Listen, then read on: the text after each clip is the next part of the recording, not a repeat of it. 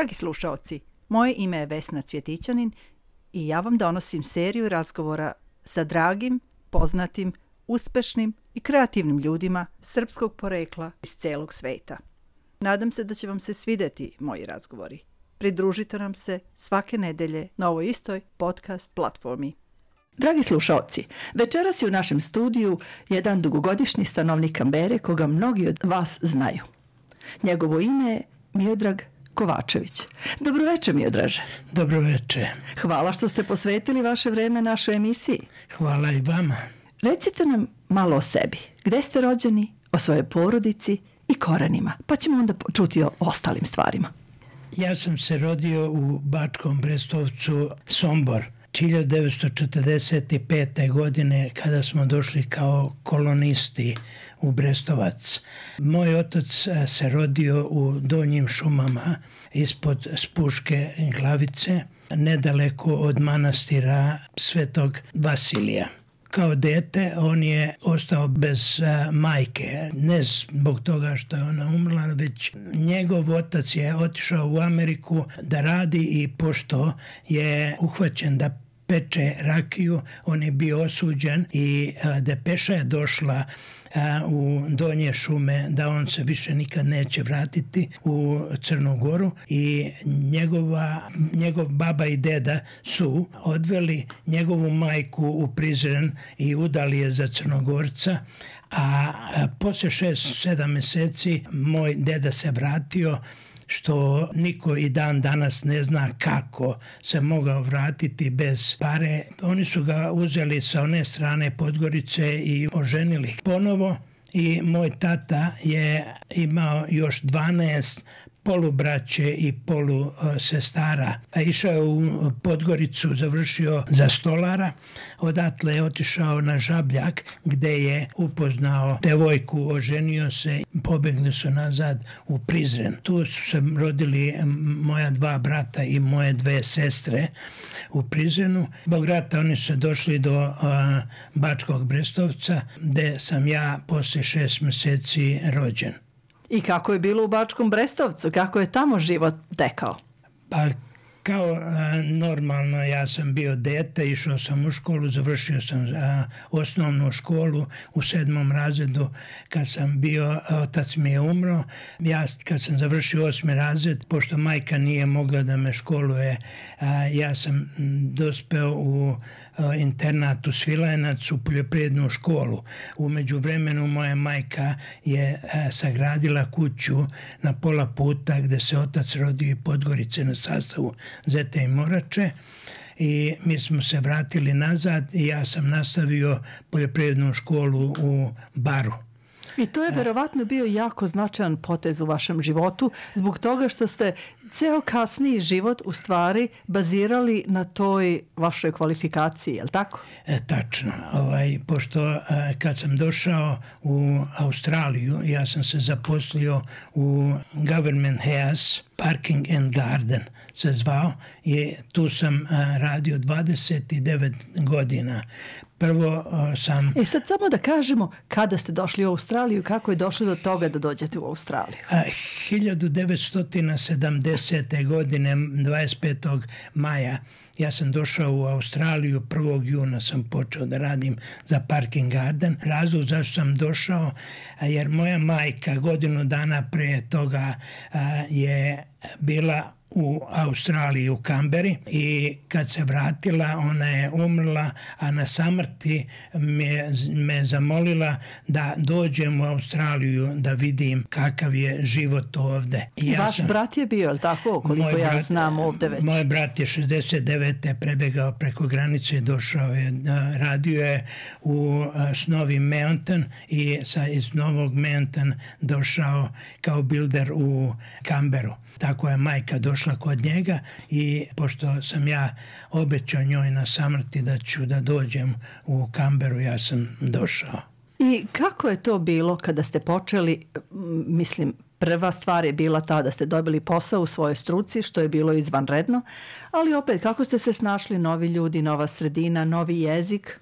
Ne samo da je novi jezik, nego potpuno nepoznat koji ja nikad nisam jednu jedinu reč znao. Ali polako ja sam učio ovaj, taj jezik i onda sam počeo čak da radim i čišćenje da bi mogao da napredujem. Dobio sam a, posle prvoga posla, zamolili su me da idem na a, aerodrom, da ovaj, vodim posao na aerodromu u Bašti. A, pošto mi se tamo nije sviđalo, ja sam se prebacio u Riseć koji je bio na Jarlamli i tu sam a, radio, ispitivao sam zemlješte na svim ovalima u Kamberi I to su bila vremena kad je još bilo kiša, je tako? Bilo je kiša, bilo je lepo vreme, jeste. Ovaj, staro vreme je uvek dobro vreme. E sada da malo počnemo da govorimo o tome uh, kako ste vi počeli da budete uključeni u našu zajednicu, u našu srpsku zajednicu ovde u Kamberi i kako ste, svi znamo, odnosno kogod vas poznaje, zna da ste bili veoma aktivni mnogo, mnogo godina u našoj crkvenoj zajednici ovde u Kamberi. Recite nam malo o tome. 1970. godine kada sam došao u Kamberu, moj brat me je poveo prve nedelje u, na službu koja se služila u Grčkoj crkvi. Tu smo držali i zabave, to je bilo ovaj naš srpski kutak gde smo održavali zabave sve moguće. Zatim ovaj pošto je moj brat bio sekretar i kod njega se u njegovoj kući sastanci su se pravili. Kupljena je zemlja na Fareru i a, počelo se praviti a, sala pošto uvek od sale moglo se e, zaraditi pare da se napravi crkva. I mi smo, ovaj, ja, kad je udaren temelj, ja sam zamenio brata i postao sam sekretar po želji uprave. To je crkva na Fareru Sveti Sava koju danas, u kojoj danas odlazimo, je li tako? Da, to je ta crkva i ovaj, ja, Kad ste postali od, sekretar? Od, kad ko sam postao sekretar, ja sam vodio a, taj posao godinama.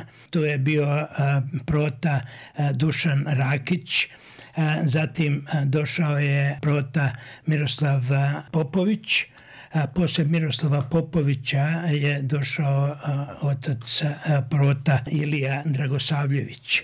Ja sam vodio sve do 2000 i ovaj, neke godine kad sam officially a, postao blind i onda ovaj, nisam mogao više da vodim taj a, sekretarski posao. te poslove, da. I onda a, ja sam ostao i bio sam u upravi do skora. Kada je crkva završena, tada sam ja dobio, po, bio sam predsednik i bio sam predsjednik kad se osvećivala crkva.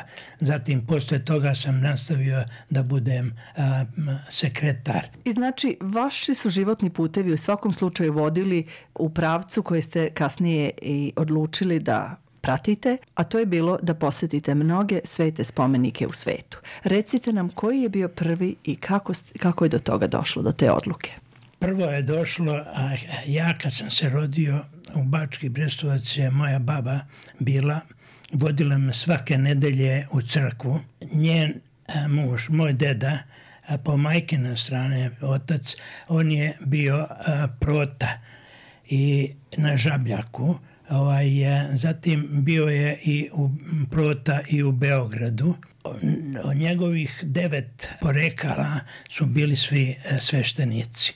Ja mislim da je to možda ovaj, to je taj jedan, put. Jedan ovaj put. Ali ne, ja sam kao dete čitao a, knjige o Hilendaru, o Svetoj gori, tako da sam uvek želio da posetim Hilendar i a, Tavor, brdo gde je Isus Hristos razapet. Ja sam uvek to želio. Ovaj, kad sam dobio priliku, kad sam bio u Beogradu Svetog Save a, manastiru, gde je sveštenik mom bratu sekao kolač i sve kad je on umro, taj sveštenik je sahranjivao mog brata, ja sam razgovarao razgovarao i izjavio želju da bih hteo da idem u Hilendar. Taj sveštenik je isposlovao preko patrijarha Svetog Save crkve da dobijem blagoslov da mogu da idem u Hilendar, jer bez blagoslova ne možete da idete tamo. Blagoslov i e, pasoš. Mora da imate pasoš, vizu za e, Svetu goru. Znači, rekli ste nam da je vaša velika i najveća želja bila da odete u Hilandar. Obzirom da ste posetili mnoga sveta mesta i to, to, o tome ćete nam isto reći, koja, koja su na vas ostavila najveći utisak? Najmilije mi je bilo kad sam bio na Hilandaru. Ja sam mislio da nisam hodao po zemlji, toliko sam bio sretan i želim opet da idem tamo, ali bar tri nedelje. Nedelju dana je prekratko. A šta vas je najviše oduševilo i kako je bio taj program od nedelju dana u Hilandaru? Jako uh, lep. Uh, kad sam došao, bio je mnogo lepo. Uh, su me dočekali tamo. Zatim išao sam u druge manastire, manastire. manastire. Išao sam tuda, išao sam putem Svetog Save kuda je on iz Kelije dolazio u manastir. U svemu sve, toliko sam bio sretan da ne znam nisam koliko I koliko je drugih sam... ljudi bilo sa vama tamo? Tamo je pun manastir uvek i oni to vode računa da budu svi da imaju svoje ćelije, ćelije ležište ovaj, da imaju da mogu ovaj, hranu. Svako jutro 5 sati na e, molitvu na doručak, e, večeru imali sve moguće. I za Hilandar se zna da samo e, muška lica mogu da idu tamo, je li tako? Tačno, jest. Dobro, znači to je bilo u Hilandaru. Znamo, odnosno ja znam, da vi imate zvanje, titulu Hadžije. Recite nam o tome mi odraže. To je nešto veoma specijalno, veoma posebno. Pre dve godine ja sam uh, isposlovao, zahvaljujući proti Iliji, pre par godina crkva iz Lazarice organizovala je put za a, Jerusalim. Ja sam se prijavio. Bilo je teško da se dobije mesto, ali prota Ilija Dragosavljević preko Miodraga Perića uspeli su da dobiju mesto da mogu da idem za Jerusalem. Hvala im. Um, to mi je velika bila želja i ispunila mi se želja da odem. Da li ste upoznali tamo neka lica, sveta lica i sa kim ste se sreli?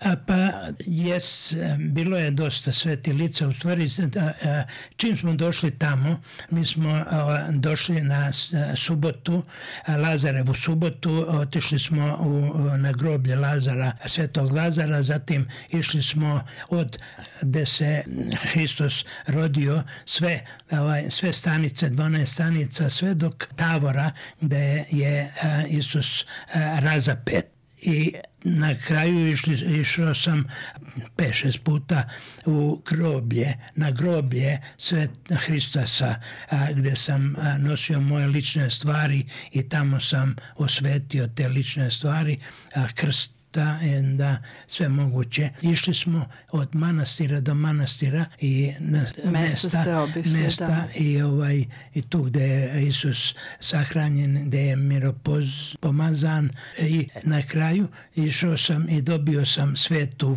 svetu vatru.